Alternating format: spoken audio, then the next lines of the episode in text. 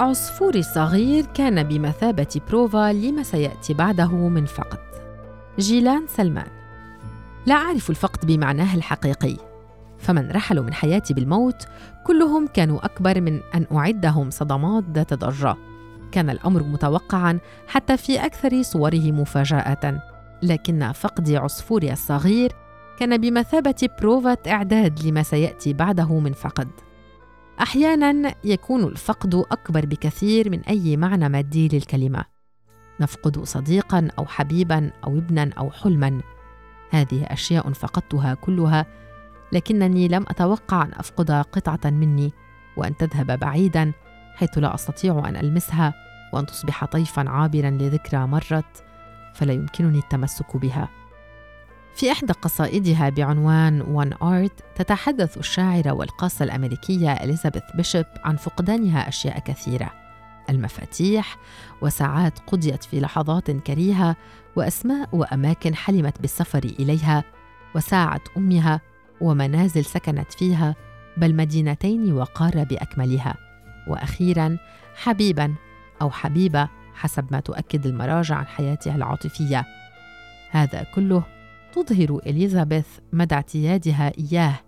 ففن الفقد ليس من الصعب إتقانه على الرغم من أنه قد يبدو كالكارثة. وبالنسبة إلى من اعتاد العطاء ولم يتقن بعد النفعية والأخذ من دون منح التي تميز حال البشر في العموم فالفقد أسلوب حياة وملمح من ملامح مشوار طويل في السعي دون نتيجة ملموسة. وبالنسبة إلى الفنان الفقد جزء من الوجود والتخلي والتنازل ومقايضه حلم بحلم وحقيقة بحقيقة. فهذه القصة تحذف وهذه اللوحة تخفى. وهذا الفيلم حبيس الأدراج وهذه الرقصة ممنوع تداولها. قبلة يمكن سرقتها في الشارع. تصبح عنوانا لصفحة على وسيلة تواصل اجتماعي. ومشهد من فيلم يصبح عنوانا ساخنا لجذب الجالسين بملل أمام حواسبهم وهواتفهم من دون رغبة حقيقية في التواصل مع أحد غير الذات أو في تصفح مواقع البورنو المجانية. في كتابها عن عنايات الزيات كتبت إيمان مرسال على اللسان نادية لطفي صديقة عنايات المقربة آنذاك عن عدم قدرة عنايات على التأقلم مع الواقع. وتمسكها الزائد عن حده بمبادئ لا تتزحزح. فلا يعرف القارئ هل لأن عنايات كانت أكثر رهافة من أقرانها أم لأنها كانت كاتبة وامرأة تكافح وبشدة في وسط يسمح للكتاب الذكور بالنمو والازدهار ويحارب أعشاب النساء اللواتي يملكن من الرهافة والقوة ما لا يقوى عليه الرجال. أم أن حمى التذكير والتأنيث تصيب الجميع بمن فيهم المثقفين فلا ينظر إلى المثقف على كينونته بل على جنسه. بالعودة إلى الفقد فحياتي سلسلة من المفقودات وهناك باب صغير أغلقته بعد أن كان مواربا لما خرج ولم يعد.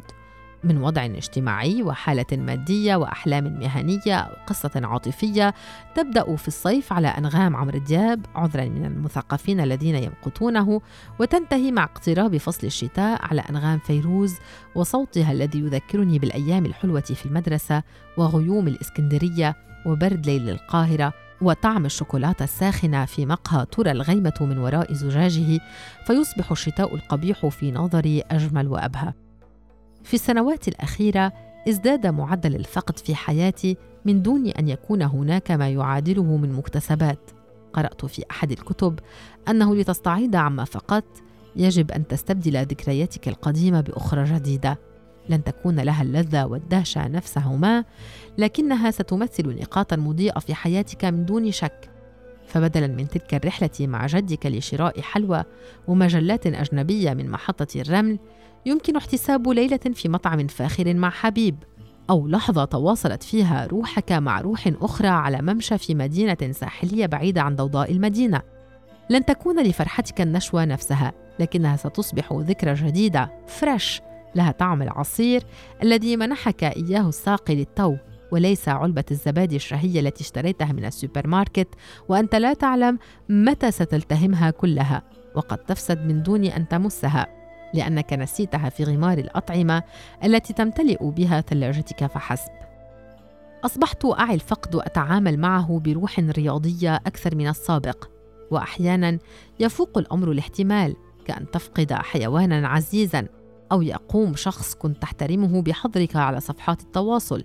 لأن آراء كما تعارضت في موضوع جدلي سخيف أو تفقد أحد أفراد العائلة الذي كنت تحبه بالفعل ولا تجامله بفعل الضرورة أو أن تجد شخصا مؤذيا قد حقق نجاحا غير مستحق أو تفقد منحة كنت قدمت عليها وأردت الحصول عليها بالفعل وليس لأنهم يفعلون هذا جميعا.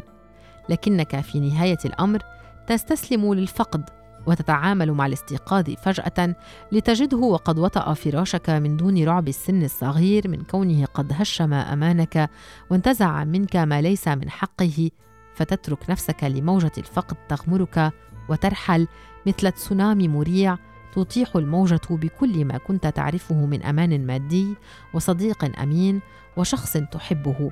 ظننت أنه سيعيش إلى الأبد وحيوان أليف تأنس إليه ومقهى تحب التردد عليه وكيان موجود في مدينتك أو في مدينة أخرى منذ الأزل.